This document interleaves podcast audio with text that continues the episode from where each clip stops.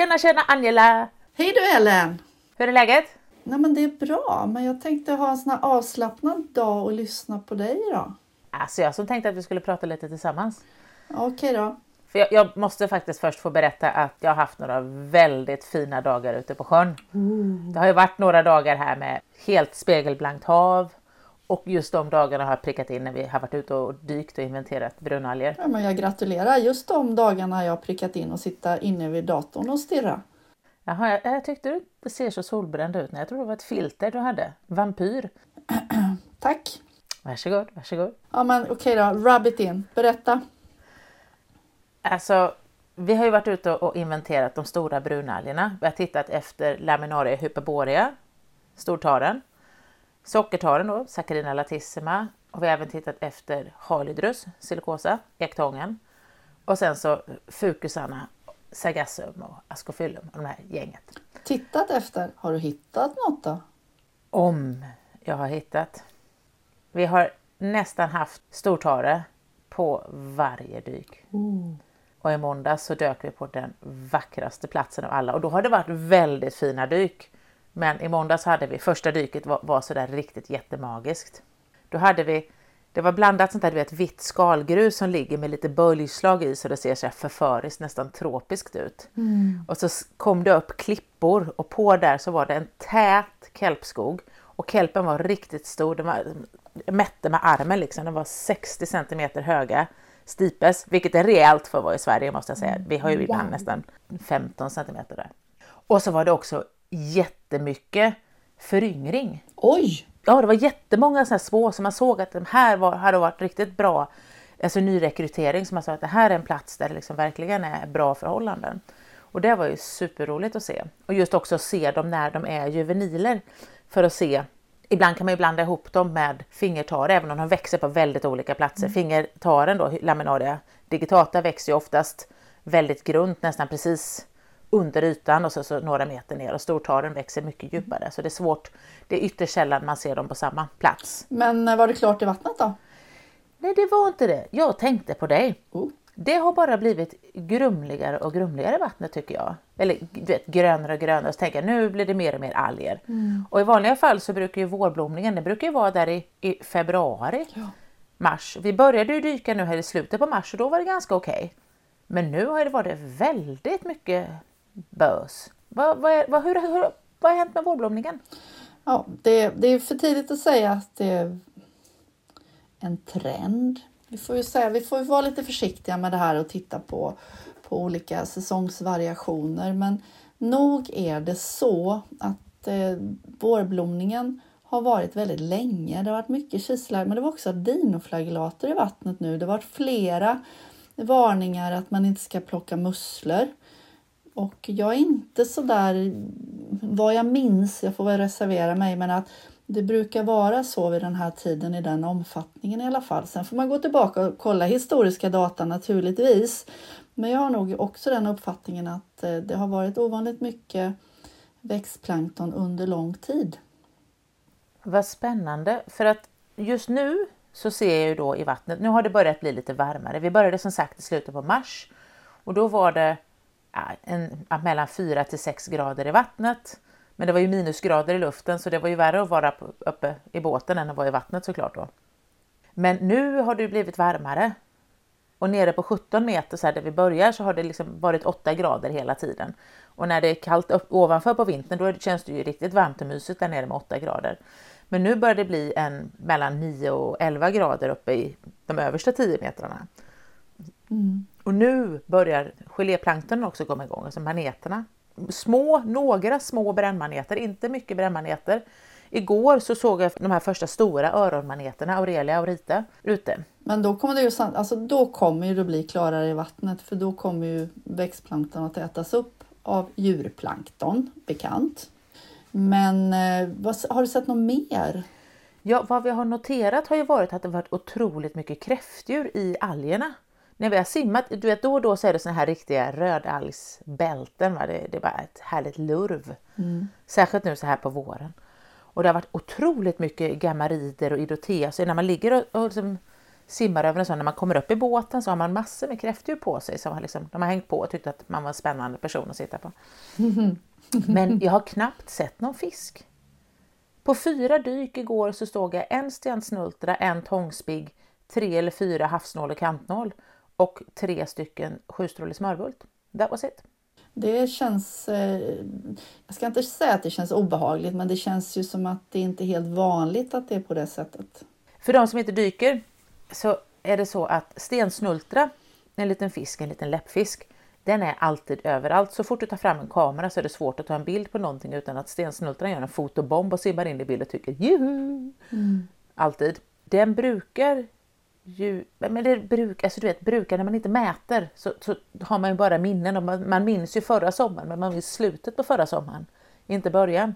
Så man får ju känslan av att det är mindre nu för det var mer i augusti, september förra året. Men jag har knappt sett några fiskar under de här 27 lokalerna vi har varit på. Så har det nästan bara varit sån här då nålfiskar, alltså kantnål och, och havsnål. Mm. Mm. Vad tror du? Har du någon teori? Gissningsvis är det ju temperatur vi pratar om här. Våren blev ju väldigt konstig, det vi, har vi alla upplevt. Nu är vintern slut. Nej, nu kom vintern tillbaks. Nu är vintern slut. Nej, nu kom vintern tillbaks. Ja, du hade ju snö förra veckan eller förra, förra veckan med. Ja, 17 maj så låg det mellan 5 och 10 centimeter på bilen. Blandad hagel och snö. Precis, det, det var ju skönt. Så jag tror att det har blivit en sån här fördröjning i havet. Att havet är inte lika lättlurade som vi är som tycker att man kan gå ut utan tröja så fort det är lite varmt. Men det är underligt för att jag undrar ju vad konsekvensen blir. Vi har ju alla de här betande kräftdjuren då som inte blir uppätna av fisken. Precis. Och då växer de till. Blir de kanske för stora för vissa fiskar då så att de liksom inte kan bli mat? Ja. Mm. Men det är ju en hel del att fundera på där men vad man också funderar på när man hör dig berätta varför har du dykt på 27 lokaler? Det ingår i någon form av uppdrag tänker jag. Ja, det här är ett uppdrag för Länsstyrelsen att vi ska inventera brunalger på eh, 27 olika lokaler. Längs Bohuskusten, så då har vi dykt från strax söder om Strömstad ner till Paternoster. Då kan vi säga att lokaler det är nördspråk för ställen. Mm, en plats. En lokal är alltså en, en plats, man sätter en GPS-punkt och säger man det här är en lokal och sen sätter man en punkt någon annanstans och säger man här är en lokal. Vad har det finaste dyket varit då? Ja, det var ju väldigt fint. Vi hade ju en spegelblank dag när vi var ute bland paternosterskären och dök. Det var jättetrevligt. Jag fick reda på att de heter paternoster eftersom det är så grynnigt där så man ska säga fader vår när man seglar igenom för att undvika att gå på grund. Aha, det hade jag ingen aning om. ja, det förklarar du en del. Och det var ju jättespännande att dyka eh, där ute. Det var kul. Man ser ju en jätteskillnad tycker jag på lokaler som är längre ut och på närmare in mot land. Man kan se påverkan och sen så är det också en väldig skillnad på om lokalen är skyddad för vågorna liksom, att det är mer läat eller om det är mer öppet, att det slår på. Då är det helt, helt annorlunda, både i algvegetation men också väldigt tydligt eh, hur mycket sediment på lagring det är. Så lokaler som är lite mer skyddade, som är på läsidan, de ser mer smutsiga ut. Och sen så, så har jag också sett då, vi har ju pratat innan om det här med invasiva arter och sånt som har kommit. Bonniomysonia hamifera, mm. den här rödalgen som växer som ett rött ludd på, den är ju på vissa lokaler väldigt, väldigt påtaglig. Luddet samlar också på sig väldigt mycket sediment så man ser att det, det ser inte friskt ut där den är. Men är det, är det den som brukar växa på ektång? Nej, den kan göra det. Men på ektång har vi ju en brunalg, Svacellaria bipinata hette den förut. Jag tror den har bytt namn nu igen. Jag ska inte svära på till vad. När jag läste marin botanik så pratade man, hade vi väldigt roligt åt namnet. Då pratade vi om Ellakista fucicola. Ah, Ellakista, den växer ju på fukus. Men ser de inte lite lika ut? Ja, det beror väl på vad det tränade ögat säger. Ellakistan har ju inte grenade filament och det har ju svacellarian. Så svacellarian är den vi brukar kalla för köttbullen och den växer bara på ektången. Elakista kan växa på samtliga fukusarter, alltså både blåstång och sågtång. Och jag gissar att den skulle kunna finnas på spiraltång också, men den brukar sitta så högt upp så där vill den oftast inte vara. Så det är vanligt att vi hittar de här små tofsarna på våra brunalger? Ja, olika saker. Alltså en brunalg är ju väldigt tacksam yta för andrahandsuthyrning om vi säger så. Men ektången, tillbaka till den. Ja, den är ju fantastisk. Alltså, den har den här gul, gyllengula färgtonen och så har den här avlånga receptaklerna, alltså fortplantningstopparna då som är. Och så är de ju ganska stora ändå. Ja, men de är ju kanske 60-70 cm höga men de viker ner sig lite grann och där den finns så är det oftast 100% täckningsgrad. Det är som en svensk granskog. Det är liksom wham, monokultur. Så här, som ett rapsfält och så ligger det liksom och så vajar det lite. Super, super läckert. Och där har jag nu hittat att där, om man vill se bägarmaneter, vilket man ju vill såklart, mm -mm. så har jag äntligen fått se bägarmanet. Jag var jätteglad första dyket, jag gjorde bägarmanetsdansen. Och sen så i måndags nu då så fick jag se hela sex stycken bägarmaneter nu när jag visste vad jag skulle titta efter dem. Mm. Så väldigt nöjd, väldigt nöjd. Snyggt! Men du, jag tänker att en sak vi behöver förtydliga är att ektång, det är en brunalg. Sen har vi ju ekblading och det är en rödalg. Jättebra att du tog upp den, för det är också en vårart som har börjat komma nu, men den växer mycket längre ner på djupet. Den växer någonstans mellan 17 till 15 meter. Och det här har jag aldrig noterat innan, för den har vi oftast, när man, när man läser marin botanik får man upp den i skrap. Men den växer liksom som, i, i, som att den har en, en rizom nästan, alltså som den, de växer liksom i rader så. Jättespännande, jag har tagit några bilder som vi kan titta på sen och fundera kring. Gud vad roligt! Ja. Fast en sak som jag tror att våra, våra lyssnare gärna skulle veta om. Kan inte du ta oss från start till mål hur ett sånt här dyk går till? Ja, men det kan jag göra. Du kan hoppa över att du byter om. Ja, ja men det, det händer ju så långt innan jag kliver i båten ens. Så att det, det, det, det, det har ju blivit lite offentlig striptease på några parkeringar längs Bohuskusten så kan vi säga. Man får inte vara yes. blyg när man är dykare. Å andra sidan har det varit vinter så det har inte varit så mycket att se i underdräkten. Som mest har jag haft fem lager ull på mig under. Det var kallt. Mm. Nej, men vad vi gör är att då har vi den här lokalen som är eh, utvald, alltså en, en GPS-position. Och då åker vi in och så ska vi då lägga en transekt. Transekt är alltså ett fancy word för att vi lägger ett måttband, ett sånt där måttband på rulle 50 meter. Och i änden på det så har vi knutit en liten sån här dragg och ett litet rep på 5 meter. Och så kastar vi land draggen så att den lägger sig i en liten skreva eller ett litet hällkar eller någonting vankra så den får en tyngd. Och sen så backar vi båten vinkelrätt mot kustlinjen ut och så rullar vi ut måttbandet samtidigt och då kommer det sjunka. Och sen så kan man koppla på fler måttband allt eftersom, för då går vi med båtens ekolod tills vi når 17 meters djup. Och när det händer då kopplar vi på ett ankare, ett sånt här plättankare med 20 meters lina på. För då vet vi också att det inte är mer än 20 meter. Man vill inte ha överraskningar. Och så slänger vi ner det och då får vi en boj som ligger och så får vi en lina som vi kan gå ner på och sen följer vi det här måttbandet upp till ytan och så skriver man ner vad man ser. Åh, oh, så smart! Skriver mm. ner under vatten, hur gör du då? Då har man ett plastpapper och en blyertspenna. Blyerts funkar alldeles ypperligt både under vatten och som vi vet av gamla historier i rymden. Mm. Så är det. Och så har man en liten skrivtavla. Hur långt det tar en sån här inventering? Vi snittar ganska exakt på 16 minuter per dyk. Det är väldigt bra jobbat. Ja, om det inte är ett väldigt fint dyk då går det lite längre tid. Mm. Ja. Och ibland kan det vara att det är ganska flackt och då tar det lite längre tid att simma ibland.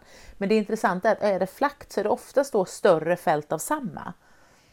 Så vi hade ett dyk igår som var eh, ganska platt. Det var, vi fick simma totalt 150 meter tror jag hela transekten blev, alltså tre måttband.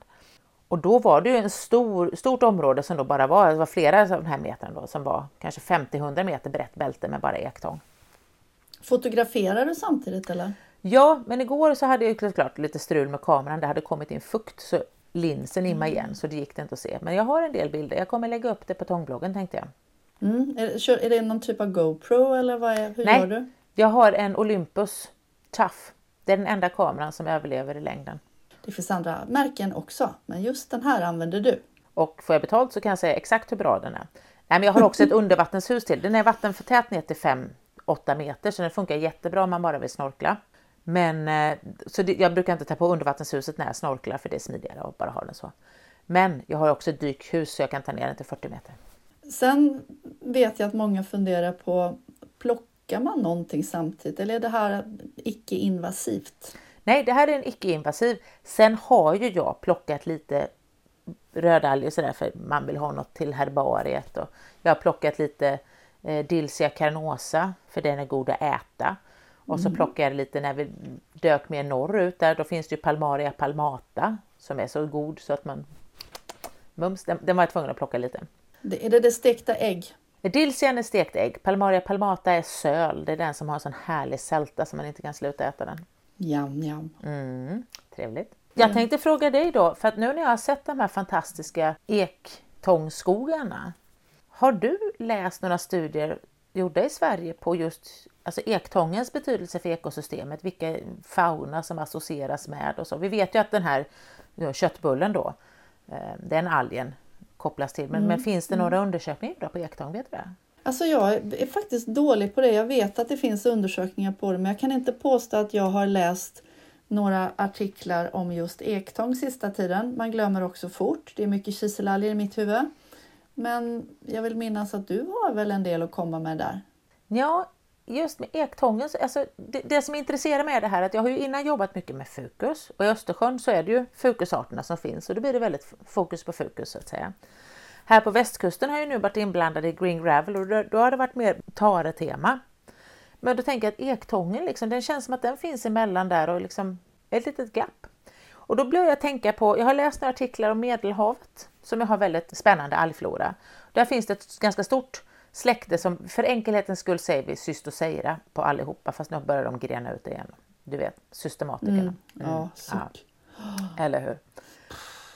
Och den brunalgen påminner tycker jag en hel del om ektången, att den här den är perenn, den, den är ganska tät, den är li, lite tätare än ektången. Så tänkte att man, en ektång och en sargassum skulle få barn, där någonstans emellan mm. kanske. Mm. Mm. Och den är otroligt viktig för Medelhavet och alla fiskar och sånt som då får den här skogen de behöver. Och såklart då, på grund av övergödning och trålning och sånt så har den ju minskat. Men du, hör Ellen, jag kom på en sak nu. Är inte ektång en typisk den som man pratar om skulle bli utkonkurrerad av sargassum? Jo, det var ju det här. Jag pratade med en av forskarna som faktiskt var den som hittade första fastsittande exemplaret av sargassum när det kom till Sverige. Och han sa att de hade då börjat titta på det här men man skulle behöva göra större studier. Här skulle man kunna göra ett jättekul studentarbete om man har en student som vill jobba mycket. Eller om man kanske har en, en kurs i marin ekologi eller någonting flera år så skulle man kunna samla ihop mycket data. Och då trodde de just att det skulle konkurreras men det är intressant att Sagassum i Sverige sitter ju inte alls på samma platser som ektången så det har inte blivit någon utkonkurrering alls där. Sargassum tycker ju bäst om att sitta i antingen skyddade platser, där kan det bli otroligt stor, det ser ut som stora enebuskar nästan som står. Eller så vill den gärna sitta i sund, där du kanske inte har så mycket vågor men en bra vattengenomströmning. Så att, eh, mm. Och det är inte där vi hittar ektången alls, den vill ju gärna sitta på sydvästsidan liksom på en klippa så den får en rejäl piskning och så kanske på mellan 5 och 10 meter. Ja men det är intressant. Tillbaka mm. till Medelhavet nu då. Jo, nej men det som är intressant där är ju då att man ser att de här skogarna har försvunnit men man kan också se på vissa platser så har de klarat sig och det man ser också är ju att det är en brunalg och brunalger är ju oftast kallvattensarter och i takt med att det blir varmare så ser man också då att de kanske utsätts för värmestress. Precis som vi ser att eh, våra kelparter, om det blir en global uppvärmning så kommer de börja flytta norrut. Men visst är det så att de tål korta sådana här heatwaves? Mm -hmm. Det är ju det, de tål, men det där med kumulativ stress. Och så är det för många organismer, exempelvis sjögurkor. Fancy that. Det är det här att man tål en, en spike, så att säga, en snabb sån här. Vi, vi, klarar en varm dag eller två, men skulle det vara väldigt varmt över en längre tid så behöver det inte vara lika varmt, men att det liksom aldrig blir svalt gör att man till slut trillar av pinn. Vad skulle du säga är varmt? Det beror ju på för vilken alg. Det här fallet. Vi ser ju här att, att jag skulle gissa att, att våra kelparter här jag såg ju förra sommaren när jag skulle plocka in saccharina för att sporulera dem på labb så var de ju otroligt sköra och ruttna. Vi hade ju en ganska varm sommar länge. Så jag skulle säga att, att kelpen vill nog inte ha över 15-16 grader i vattnet allt för länge. Då börjar den liksom ruttna. Om det är kelpen i sig eller att det, att det blir så mycket påväxt på den så att den mår dåligt av det. För att påväxten gynnas av det varma, det vet jag sjutton. Mm. Nej men jag, det är ungefär som jag. Jag vill inte ha mer än 15-16 grader på land. Ja, jag kan tycka att 20 är helt okej. Okay. Men eh, jag tycker om att sitta i skuggan. Mm, ja, nej. Ja, men äh, har du något mer? Ja, jag tänkte väl bara allmänt så gnosa in att äh, på måndagen förra veckan när det var så riktigt, riktigt spegelblankt. Då var jag längst ute utanför de här förankringsfyrarna utanför Lysekil. Och så kunde man liksom, hade inte jorden varit rund så hade man kunnat se över till Skottland. Oh, Det var en helt okej dag på jobbet. ja. Jo då, lite avundsjuk får man väl lov att vara. Det var, det var okej. Men det har varit väldigt, väldigt roligt att nu då få göra dyk längs Bohuskusten och titta på algerna för man ser ju en väldig skillnad.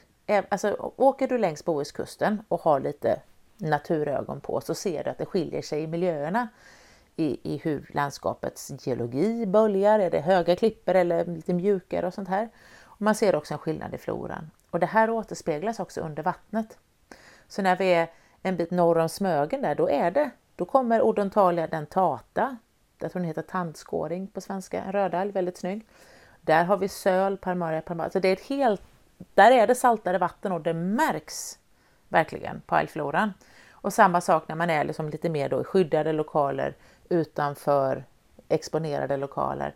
Hur vågorna påverkar och allt det här. Det är otroligt hur, hur exakt samma det är. Och så har det varit jätte, jättekul som sagt att kunna få följa våren. Inte bara med blåsippor och vitsippor på land utan även hur arterna har liksom blommat fram under vattnet. Det är fantastiskt. Och nu närmar vi oss eh, terminsavslutning och därmed så tänkte väl vi ta en säsongsavslutning. Ja, men vi gör det. Det blev så mycket som skulle göras nu till sommaren så vi känner att vi, vi pausar av podden en stund och så plockar vi upp den i höst igen när vi har städat undan allt i kalendern. Absolut! Och det kommer... Det finns många spännande kiselalger som vi inte har pratat om än. Bara en sån sak. Och jag ska ju åka till Japan för att se om jag hinner se några alger också. Det hoppas jag verkligen. Men eh, då säger vi så då.